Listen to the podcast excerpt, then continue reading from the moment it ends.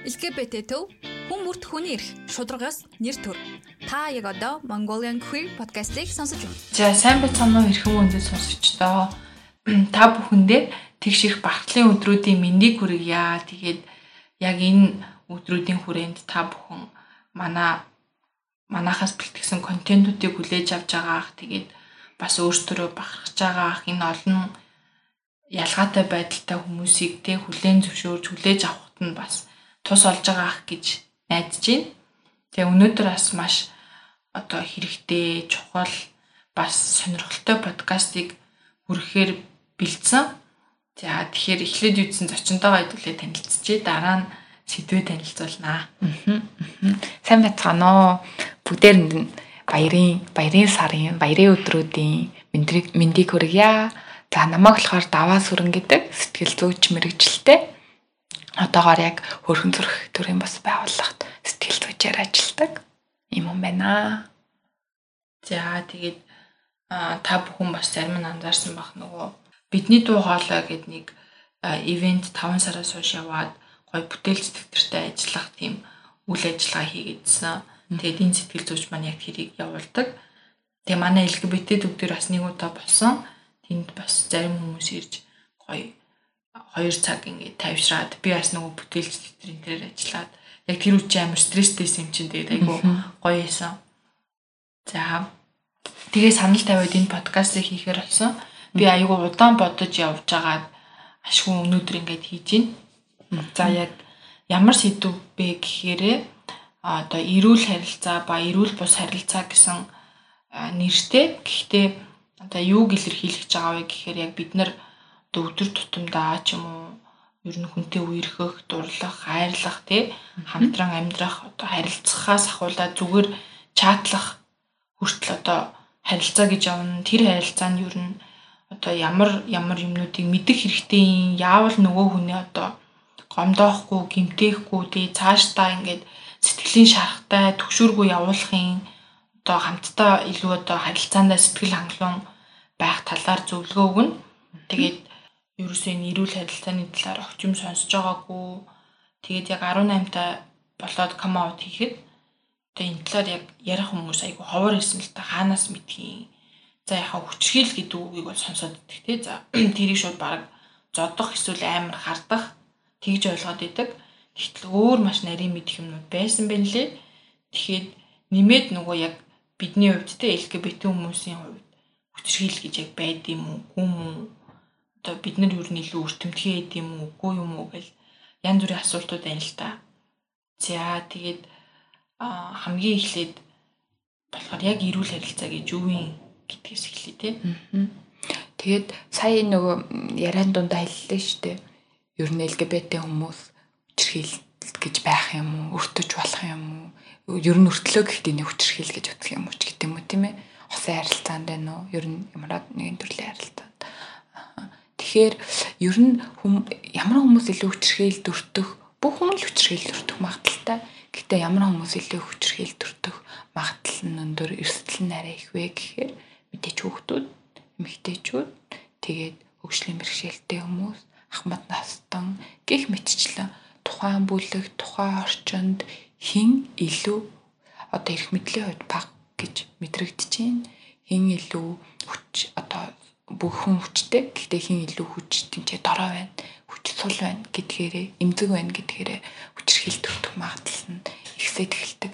Тэгэхээр одоо ингээ ярихаар магадгүй LGBT хүмүүс маань тухайн орчинд магадгүй үйлчлэх байгууллагууд мэдээлэл авах сууг нь арай бага байдаг ч гэдэм үү.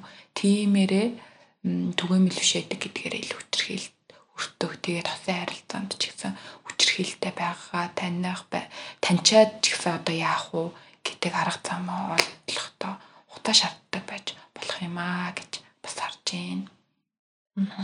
Яг ингээл хэлэнгүүт манай залуу сонсогчид бас гайхаж магадгүй тий. За миний харилцаанд ороход нь хүчрхийлтэй болох нь одоо удах байх ч юм уу тэгж бодож иж магадгүй.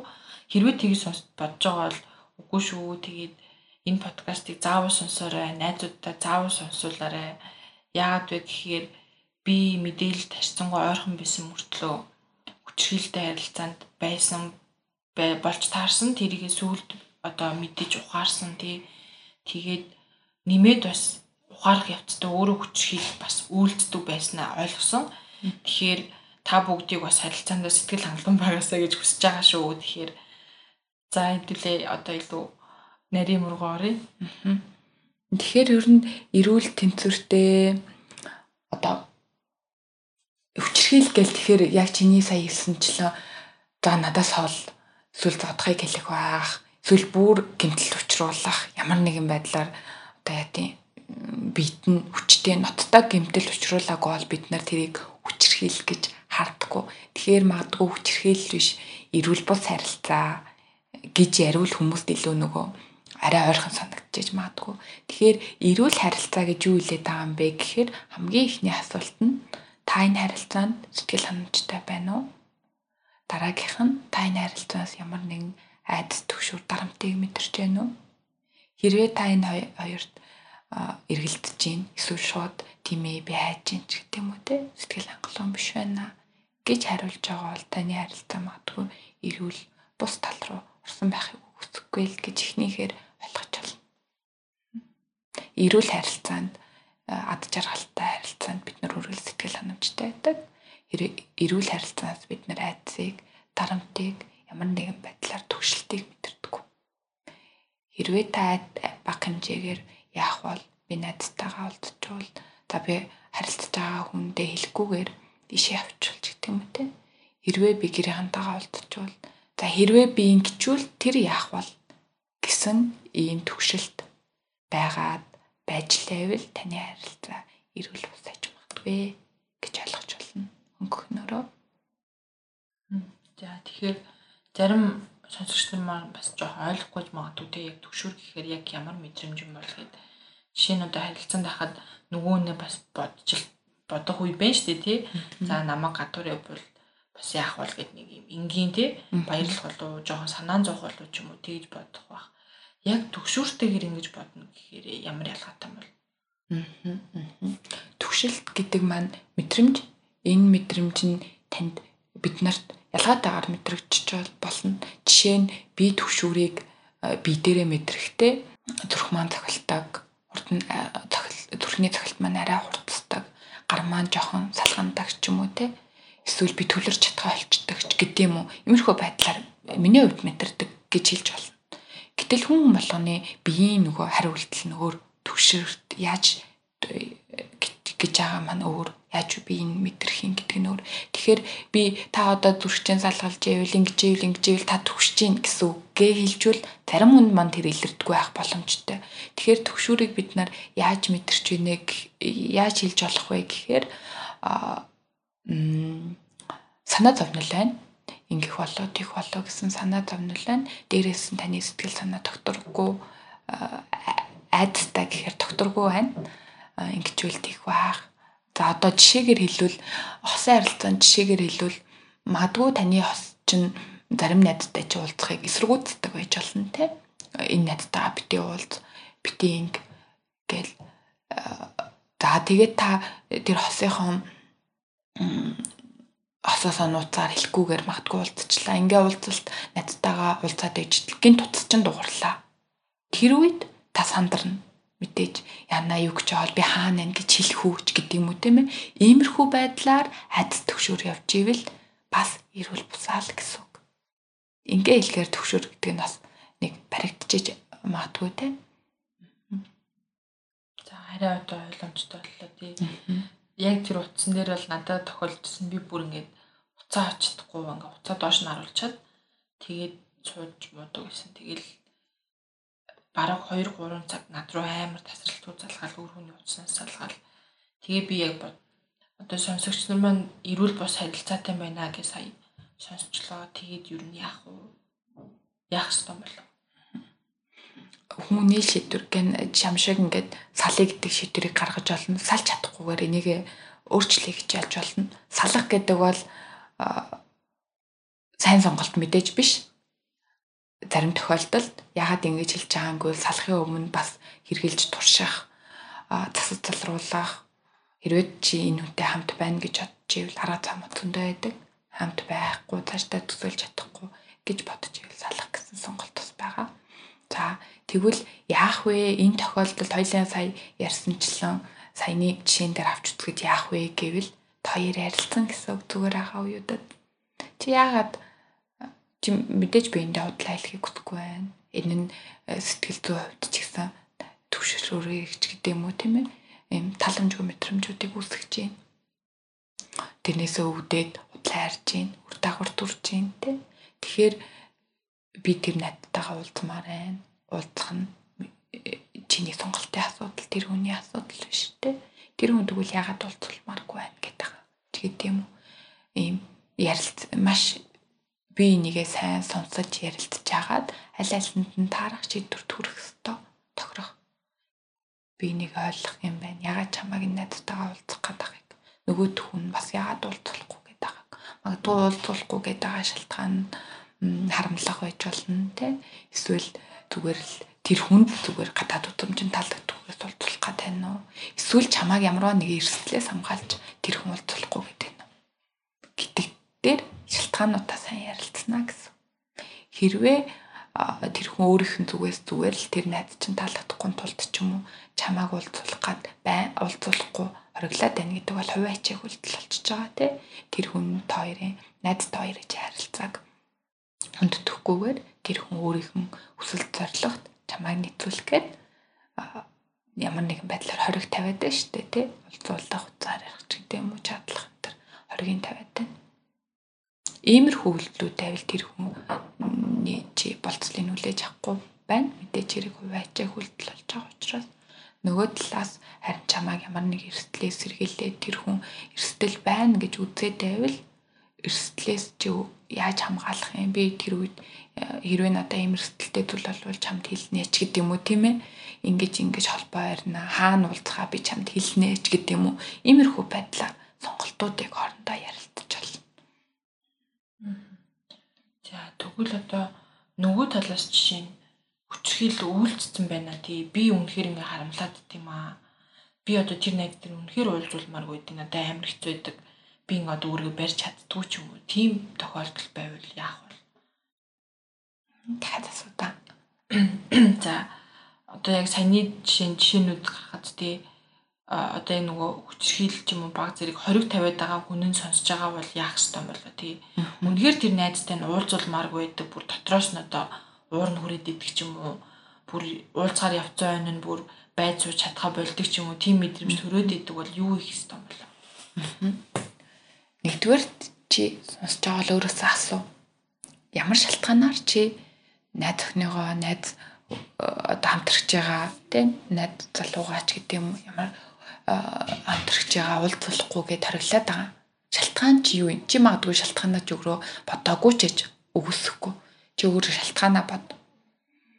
Тэр шалтгаан чинь зүгээр л тэр хүнийг өмчлөх, тэр хүнийг харамлах шалтгаан байвал эн чи ирүүл бусаа гэж харах чи тэр хүнийг надтай ах хэрхэн зурчиж гин. За өөр чи олон зүйлсүүдийг тэр хүн чинь хүн шүү дээ. Өөрөө найзтай ах, гэр бүлтэй ах, чамаас өөр харилцаанд орох ажилтай байх ч гэдэг юм уу тийм ээ. Өөр хүмүүс чамаас өөр хүмүүстэй танилцах, уулзах, чөлөө цагаа өнгөрөөх, хоббигоо хийх, ганцаараа байх ч гэдэг юм уу. Тэр хүн чамаас гадна өөр олон хэрэгцээнүүдтэй олон нийгмийн орчинд орох хэрэгцээтэй тэр болгоныг чи хүлээн зөвшөөрч чадахгүй байна гэдэг маань өмчлөөд байна л гэсэн өвчлээ. Гэхдээ хүний өөр хин нэгний бусад харилцааг хүн гэдгийг хүлээн зөвшөөрөхийн тулд хүн эхлээд өөрийгөө хүлээн зөвшөөрөх хэрэгтэй.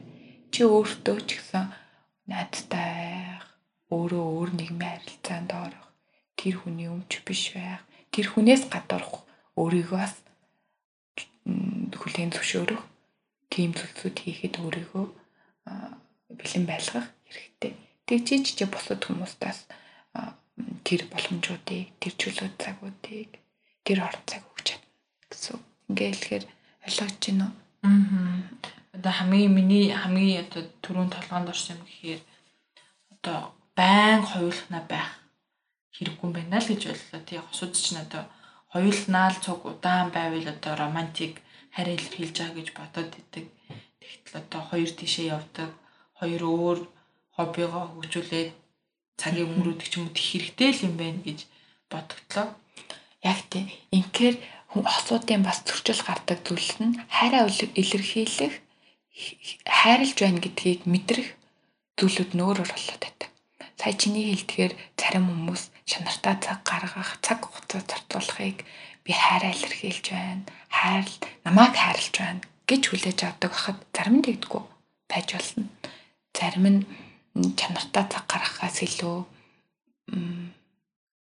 бэлэг өгөх юм уу тийм ээ ямар нэг материаллык байдлаар халамж үзүүлэхийг хайрлж байна гэж үд тэгж хайраа илэрхийлдэг, тэгж хайрыг мэдэрдэг байж болно. За зарим нь болохоор үнсэх, тэрвэрэх, хайраа, хайртаа гэж хэлэх ч гэдэг юм уу тийм ээ. Иймэрхүү зүйлсүүдийг илүү чухал үздэг байж болно. Гэх мэтчлэнгээр хүмүүсийг ялгаатай байдаг. Ингээ ялгаатай байдлаас үсээд хоёр тал одоо нэг нь би чамайг хайрлаж илэн штэ гэсэн ийм нэг яад чи хайрлахгүй байна гэж бодоод байгаа юм ч гэдэг юм тийм нөгөөх нь чи наа хайрлаж байгааг ерөөсөө э, чи хайрлаж байгаа гэдэг амарчлаа надад мэдрэхдэггүй байна гэдэг юм тийм иймэрхүү байдлаар зөрчил үүсдэг. Тэгвэл одоо энийг шийдвэрлэх юм хүн болгоных өөр байдаг. Нөгөө бид нар хүн болгоны ялгаатай айдлыг хүлээн зөвшөөрнө гэж айгүй их ярьдаг штэ тийм ээ. Яг энэ шиг хүн болгон хайраа өөрөөр илэрхийлдэг. Хайрлах гэдэг чинь нэг ясандаа чадвар штэ. Чир чадварыг арай өөр өөрөөр эзэмшсэн, өөр өөрөөр илэрхийлдэг байж болно. Энийг нь асуулын төвшөөрөх нөгөө үнэ таньж мэдэх өөрийгөө бас дээрэс нь юу хүсэж байгаа. Би өөрөө бас ямар хайрыг хүсдэг, өөрөө хүнд ямар хайрыг өгдөг юм гэдгээ таньж мэдэх хэрэгтэй аль альныгаа хэрвээ ингээд таниад мэдчихвэл за магадгүй миний би өөрөө хүрэлцэх хайраа мэдрэмжтэй хүрэлцэж үнсэж тэрвэрж биед нь гарстан шүргэлтэж хайрыг мэдэрдэг байл миний хос тэгдэггүй надаа бэлэг өгөх ч юм уу тийм ээ цэцэг өхийг одоо өөр юу байдیں۔ тийм материаллык зүйл өхийг магадгүй ажилт маань туслахыг ч юм уу тэр хайрлалт гэж үдчихвэл би хэрвээ таниад мэдсэн тохиолдолд нөгөө хүнээс тэр бэлэг ирж ивэл хаа хүн намайг хайрлалаа би энийг хүсдэггүй ч гэсэн энэ надад чухал ш ч гэсэн надад хайрлаж байгааг тэрийгэ мэдэрч болох нь тийм. Би бас нөгөө хүндээ чиний чи надад таалагдж байна. Гэтээ би бас хүрэлцэх хайрлах үнсэх энийг чухал дүүд тийм шүү гэдгээ хэлчихэж болно ойлгомжтойгоор тийм ээ. Э, тэгвэл чи хэрвээ намайг хүрээд үнсээ тавил би хайртай гэдэг чи илүү сайн мэдрэх гэдэг байна ч гэдэг юм уу тийм ээ. Аюу сонирхолтой амар чухал мэдээлэл байна би одоо өмнө нь арай одоо анхны X mix-тэйг яаж ойлголцдог байсан юм бол гэж аян бодоод байх юм. Аха. За тэгвэл цаашлаад одоо яг эрүүл тэнцвэртэй харилцаа гэдэг маань юу юм те ямар ямар тодорхойлт бэ? За төвшөлтөх хэрэгтэй хоёлаа саяас ярьсан те. Төвшөлтөх хэрэгтэй. Энэ нь болохоор хэрвээ та хоёрын тунд төрчлүүд гарвал уурлах ч гэдэм үү ямар нэгэн байдлаар янз бүрийн э, үйл ойлголтох асуудлууд гарч болно шүү дээ тийм ээ. Энэ зүйлсүүдийг хэрхэн гарахаас өмнө хэрхэн шийдвэрлэх вэ гэдэг зөвшөлтөлтөй болно. За э, тухайлбал э, зарим хүмүүс олон нийтийн газар хөтөлцөж явах ч гэдэм үү тийм ээ. Ялангуяа LGBT хүмүүс зарим нь нөгөө өөрийгөө ингээд олон нийтэд илэрхийлээгүй байгаа тохиолдолд нэг нь илэрхийлсэн нөгөөт нь илэрхийлээгүй ч байж болно шүү дээ илэрхийлэх дурггүй ч юм уу. Тийм тохиолдлуудад олон нийтийн газар хоёлаа бие яаж авч явах вэ гэдэг дээр төвшөлтөж болно гэдэг юм уу. Иймэрхүү жижиг зүйлсүүд дээр хүртэл урдчлаа төвшөлдсөн байвал тавуу тал болно. Гэтэ энэ хэцүү санагдж байгаа хальтаа бүх зүйлийг урдчлаа ярих юм уу гэд ядаж нэг удаагийн төвчл болоход тэрийг тэр хугацаанд нь намдаагаад орхисон ч гэсэн ер нь цаашдаа энэ үйл ойлголцох асуудал бүр гүнзгийрээд өөр өөр байдалд нөхцөл байдалд үүсгэхэд хоёлаа яа шийдвэрлэх вэ гэдэг юм нэг варианттай болох нь шүү дээ. Ийм байна. За тэгээ би эндээ итгэдэг байна. А итгэдэг гэдэг нь итгэл гэдэг нь өөрөө шууд үүсчихгүй л дээ. Мэдээж тодорхой хэмжээгээр тухайн өмнөхөн үнэт зүйл итгэл үнэмшлийг мэддэг болж ийж итгэх нь урт хугацааны процесс. Гэхдээ л биеиндээ хайр сэтгэлтэй, тойр хайр сэтгэлтэйрээ л тулгуурлаж харилцаа явж байгаа юм чинь итгэдэг. Тэгээд юу юу хийвэл бас энэ итгэл алдарч болох юм бэ гэдэгтэй харилцсан чи юу гэж болох юм болохгүй юм гэдэг юм уу тийм ээ. Яавал чи миний итгэлийг алдах юм алдахгүй юм гэдэг дээр юм харилцан итгэдэг, харилцан хүндэлдэг байх хэрэгтэй. Хин хиндэ анхаарал тавьдаг, хин хиндэ зарим зүйлсүүдийг даалгахта итгэдэг, итгэж чаддаг ч гэдэг юм уу тийм ээ. За тэгээ би энийг хүн хүндэлдэг байх хэвээр хүндлэх нь юу вэ гэхээр сонсохоос эхлэн ярилцах ярилцах гэж бид нэр айгүйх ярьдаг штеп би энтэйгээ ярилцах хэвээр сайн ярилцах хэвээр тэгвэл ярилцахдаа яах юм гэхээр хүндлэн хүндлэе гэхээр яаж хүндэлж байгааг чи мэдгүй гэхээр тухайн хүний ярьж байгаа зүйлийг ямар нэгэн шүүмжлэлгүйгээр тухайн хүн яг юуг хэлж байна тэрийг л сонсож чи юм хэлсэн юм байна гэж буцаж хариу хэлдэг ч юм уу тийм ээ. Тэггүйгээр ярилцахдаа бид нэр илүү өөрийнхөө өнцгийг оруулад нөгөө хүний хэлж байгаа заримдаа үсэх гээд эсвэл гэхдээ л би тэгсэн гэл чи ингэж бодсон байна. Гэхдээ би тэгээгүй ч гэдэг юм уу тийм ээ. Илүү нөгөө хүнээ ярьж байхад араг би энэ хүнд юу гэж хариулах вэ? Би өөрийгөө яаж өмөрөх вэ гэдэг юм уу тийм ээ. Усууд маань бас тэгч гээд байдаг. Ингэхгүйгээр хүндэл сонсох нэ. Харин энэ дээр бол айгүй яадаг юм бэлээ ойлгоогүй юмудаа сайн лавуулж асуухгүй бол дараа нь нөгөө би лав ингэж ойлгосон чи тэгэж хэлсэн бицтэй гингууд нэг хоолойны өнгө мөнгөн дээр ахуулаад үл ойлголцол үүсчдэг юм бэлээ тэгэхээр яг ярилцж байхдаа би ингэж ойлголоо эн чин зөв үү гэд лавшруулж асуух ч юм уу тиймэрхүү юмнууд зүгээр л юм бэлээ би одоо яг хэрэгжүүл явж байгаа. Яг тийм. Ойлгосноо хэлэн дээрээс нь чи ийм юм мэдэрсэн байна тийм ээ? Гэд нөө тэгж одоо э, хэлвэл нөгөө хүнд чинь айгүйх ойлгож байгаа юм шиг мэдрэмж төрдөг байхгүй миний мэдрэмжийг хүртэл одоо энэ холомч нь ойлгоод байгаа юм байна штэ ч гэдэг юм уу тийм ээ? Ямар нэгэн өөрт болсон ажил дээр олсон зүйлсээ танд чад ажлын хэмжээ тэгж хэлэхэд чамд тэгж хэлсэн чам таагүй мэдрэмж төрүүлсэн юм байна. Тийм ээ? Ч гэдэг юм уу тийм ээ? Эсвэл чи тэр үед надаа ингэж харилцсан ингэж найзынхаа хажууд намайг тэгж хэлсэн надад тийг санагдсан ч гэдэг юм тийм ээ? Татаа санагдсан таагүй санагдсан гэвэл аа чи би чамааг найзтайхаа хажууд матгүй магтахаар ч гэдэг юм уу? Чам сайхан санагдсан байна тийм ээ? Ч гэдэг юм уу? Иймэрхүү байдлаар нөгөө хүнийхээ мэдрэмжийг дэмжиж ойлгож байгаа баталгаажуулж ин дээрээс нь бас тийм ээ иймэрхүү байдлаар ярилцаж болно. Дээрээс нь хосууд ярилцах гэдэг дээр хосууд маргалцсныхаа дараа илүү их бас ярилцах үеуд тохиодог байх тийм Тэгтээ маргалдахдаа бид нар бас нэг юм дээр ялангуяа асуудал маань алдаа гаргачих гэдэг юу вэ гэхээр тухайн маргалдж байгаа үйл явдлаа л ярихгүй тухайн үеэ л ярихгүйгээр чи ер нь л тийм штэ гэж хэлчих гээд байдаг. Чи угаасаа л тийм штэ гэдэг юм уу тийм ээ. Тухайн хүний хувь хүний хүнд нь хандаад тухайн үйл явдлаа тухайн хүнийхэн хувь хүний зан чанар бүхэлд нь ингэж бүхэлдүүлж ярих гэдэг байхгүй. Гэтэл маргалж байгаа үе чинь тухайн өдрийн асуудал ч юм уу тийм ээ. Эний асуудал нь тодорхой жижигхэн л байгаа дээ. Тэрийг бүр томруулж маргалтчих гэдэг. Инкээрээ тэр маргалтны дараа ч гэсэн бид нар нэг үл ойлголцоо гомдол нэг гоморхол үлдчихэд байдаг хгүй бит хоёр ингээд зүгээр өнгөрсөн.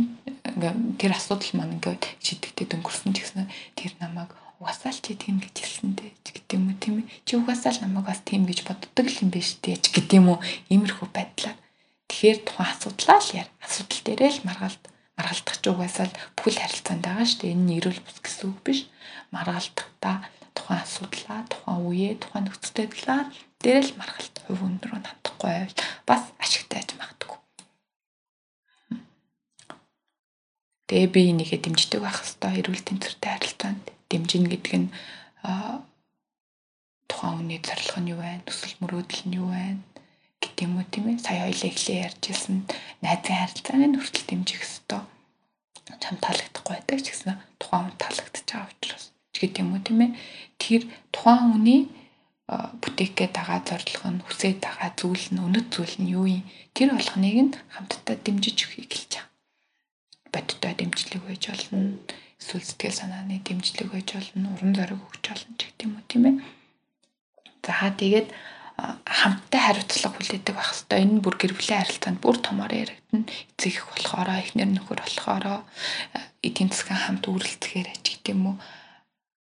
Хамтын одоо жижигдээ яривал энэ хоол идсэн, хоёлаа хамт гэртээ суугаад хоол идлээ. Нэг нэндээ очиод ч магадгүй хоол идлээ гэвэл энэ хаягыг хамтдаа ураах юм уу? Хин хоолоо хийж өгөх юм. Нэг нь л дандаа хоол хийж өгöd идэг ах юм уу? Үгүй юм уу? За эсвэл энэ хаягыг хин нугаах юм нэг нь л үргэлж угаагаад байх юм уу үгүй юм уу? Хэрвээ нэг нь л ганцаараа хоол идэг нэг нь л ганцаараа аяг угаадаг гэдэг юм уу тийм ээ? Нэг нь л нэг талаас нэг үйлдэл байнга байгаа дээр нь чи хамтын хариуцлага яригдах болчдөг та хоёр хамтдаа л амьдрын хамтдаа л үерхэн хамтдаа л байна гэж ярьсан юм чинь ямар нэгэн зүйлийг хамтдаа л хийж явах хэрэгтэй тэр аягныг хоёлаа л хоолж байгаа бол хоёлаа за чи нэг тавгийг би нэг тавгийг гэж хэлэхгүй л те.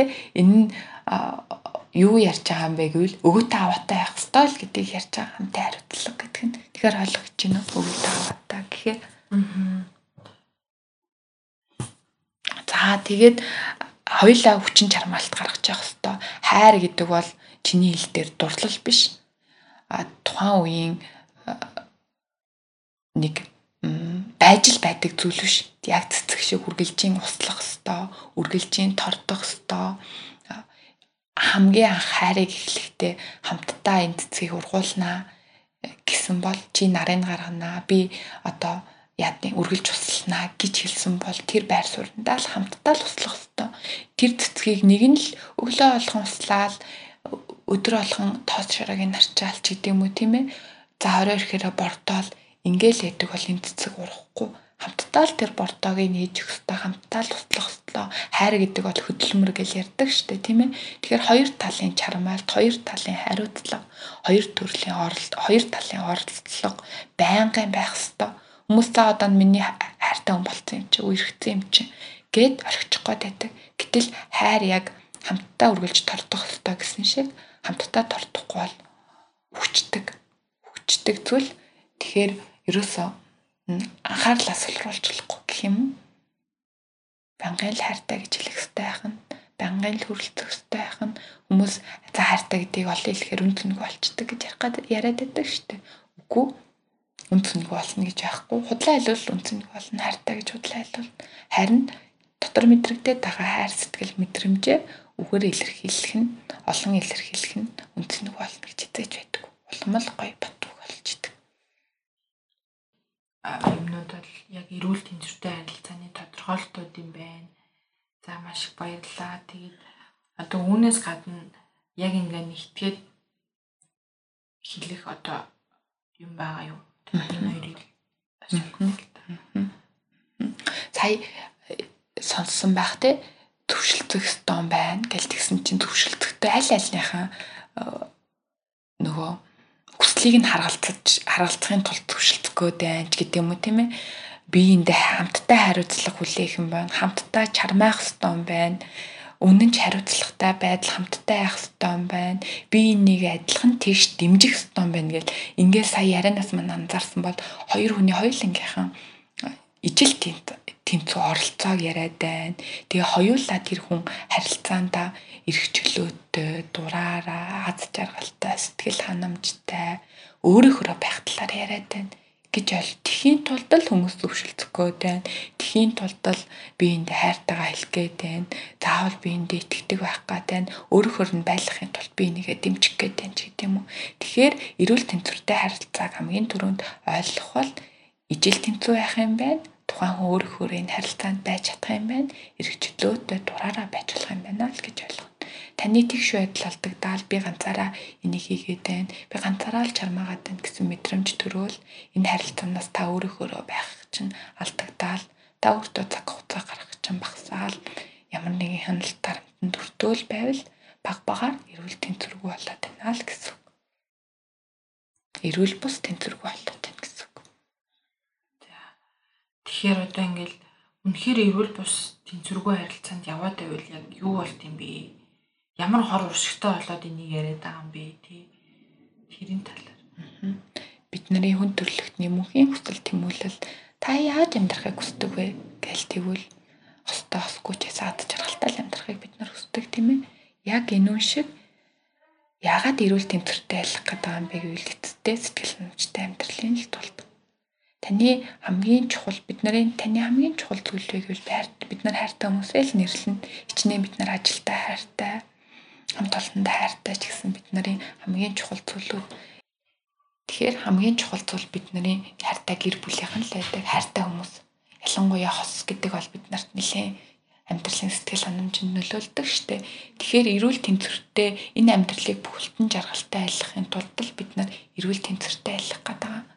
Хэрвээ таны хосын харилцаа тэр үнэт зүйл чухал гэж бодоод байгаа харилцаа чинь э, эрүүл биш болоод эрүүл бид нар бүхэлдээ амьдралдаа сэтгэл ханамж маань буураад ирдэг.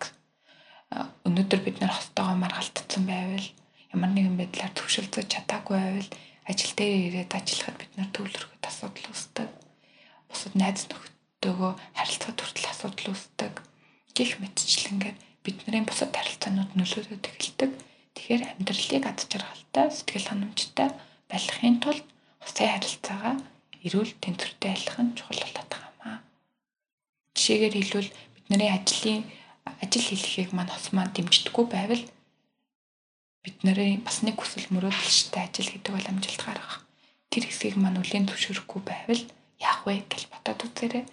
Тэгэхээр бид нар ажилдаа одоо ажиллахдаа сэтгэл ханамжтай ажиллаж чадахгүй байх. Ямар нэгэн буруу хийж байгаа юм шиг санагдах нь өөрөөр ажил хөдөлмөр эргэлж чадахгүй болох.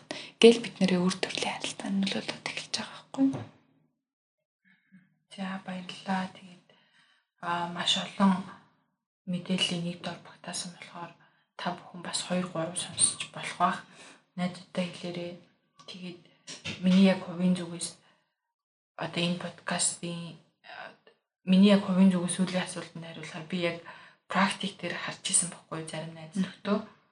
Жишээ нь хоёр охтын хувьд бол нөгөө нийгэмд байдаг ойлголтоор тийм эмэгтэй хүн бол хүчрхийл үүдэгч биш гэдэг талаас нь хоёр эмэгтэйн дунд огт хүчрхийл байдгүй гэж үзээлэдэг тийм. Тиймэрхүү зүйлээс болоод хайраа илэрхийлэх байдлаа хардах, өмчлөх байдлаар илэрхийлсээр агаад одоо тэр харилцаа үнэхээр аимшигт болсон.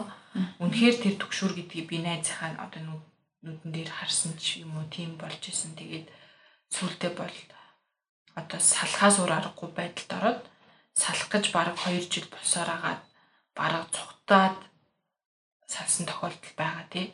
Тэгээд яг бүх юм одоо ингээд жаргалтай болсон юм уу гэхээр үгүй. Тэр сэтгэлд нь шарах үлдсэн. Тэрийгээ бараг антил нь маш удаан хүлээсэн хид хид удаа сэтгэл зүйчтэй уулзсан тэр үртлээ өөр хүмүүстэй харилцаа тогтоох гэхээр айдаг болцсон гэх мэт. Маш их хор хүнэлт хөнөөлтөй юм бэ лээ. Тэрийг бас ингээд тодтогч хэлмээр байна. Тэгэхээр одоо хайртай гэж одоо үргэж байгаа бол өөрийгөө ч тэр нөгөө хүнийч тэр ингээ ад жаргалтай сэтгэл хангалуун байлгаарай хизээ нэгэн цаг цаллаа ч гэсэн сайхан дурсамжтай итгэлтэй байх үүднээс харилцаагаа бүтээгэрэй гэж хэлмээр энэ одоо нэг юм цалах юм чи яасан ч яат ингэж бас бити одоорой тий тэр хүний чинь залуунаас бүхэл бүтэн хэдэн жилийн дурсамж нь ингээ явж байгаа болохоор бас хариуцлагатай хандаарай гэж хэлмээр байна. За тэгээд та бүхэн бас ямарваа нэгэн асуулт ч юм асуудал гарвал манайхтай холбогдоорой. Бид нэр чөлөөтэй хариулаад зөвлөгөө өгөөд бас зуучлах боломжтой. Тэгээд хөөрхөн зүрхээс гарсан энэ гарын авлага байгаа тий яг энэ саяны бидний бид хоёр бол нэг хуудасныхаа хүрээнд л ярилцлаа. Энэ сая гарын авлага гэж хэлсэн маань ерөнхийдөө хүн хосын харилцаанд хүчрхийл байна уугүй юу гэдгээс шалгахаас ахуулаад та өөртөө яаж цаг хугацаа гаргахын жижигэн типүүд яаж хүчрхийлээс урдчлан сэргийлэхийн хүчрхийлэхээр бид хоёр сая ерөөсө зодох зодох ч гэдэм үү тийм хүнд зүйлийг ярьсангүй хүчрхийл гэдэг маань угаасаа жижиг зүйлээс эхэлдэг.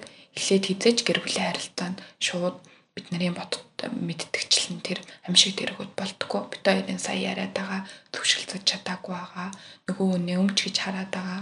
Нөгөө үнэ өөр хөрөө байлгах гээд байгаа. Хүлэн төвшөрөхгүй байгаа гэсэн энэ зүйлсүүдээс л эхлээд эхэлдэг болохоор бид нар тэр зүйлсүүдийг илүү ярихыг хичээлээ.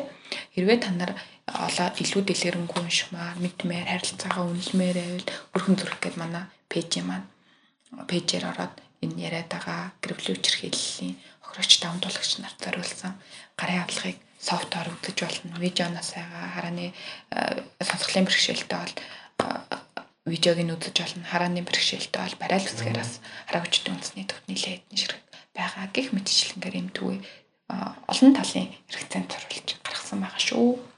За баярлалаа. Манай офис дээр бас гарын авахуд нь байгаа. Та ирээд өнгөө авч болно эсвэл уншаад үлдээчих болно тий. Тийм байдлаар байгаа. Яг сонсомоор байгаа хэрэгтэй байгаа мэдээлэлээ бас чөлөөтэй манайх руу чатаар бичээрэй, асуугаарай. Баяртай. Баярлалаа. Хүмүүрт хүнээр шударгаас нэр төр. Та яг одоо Mongolian Queer podcast-ийг сонсож байна.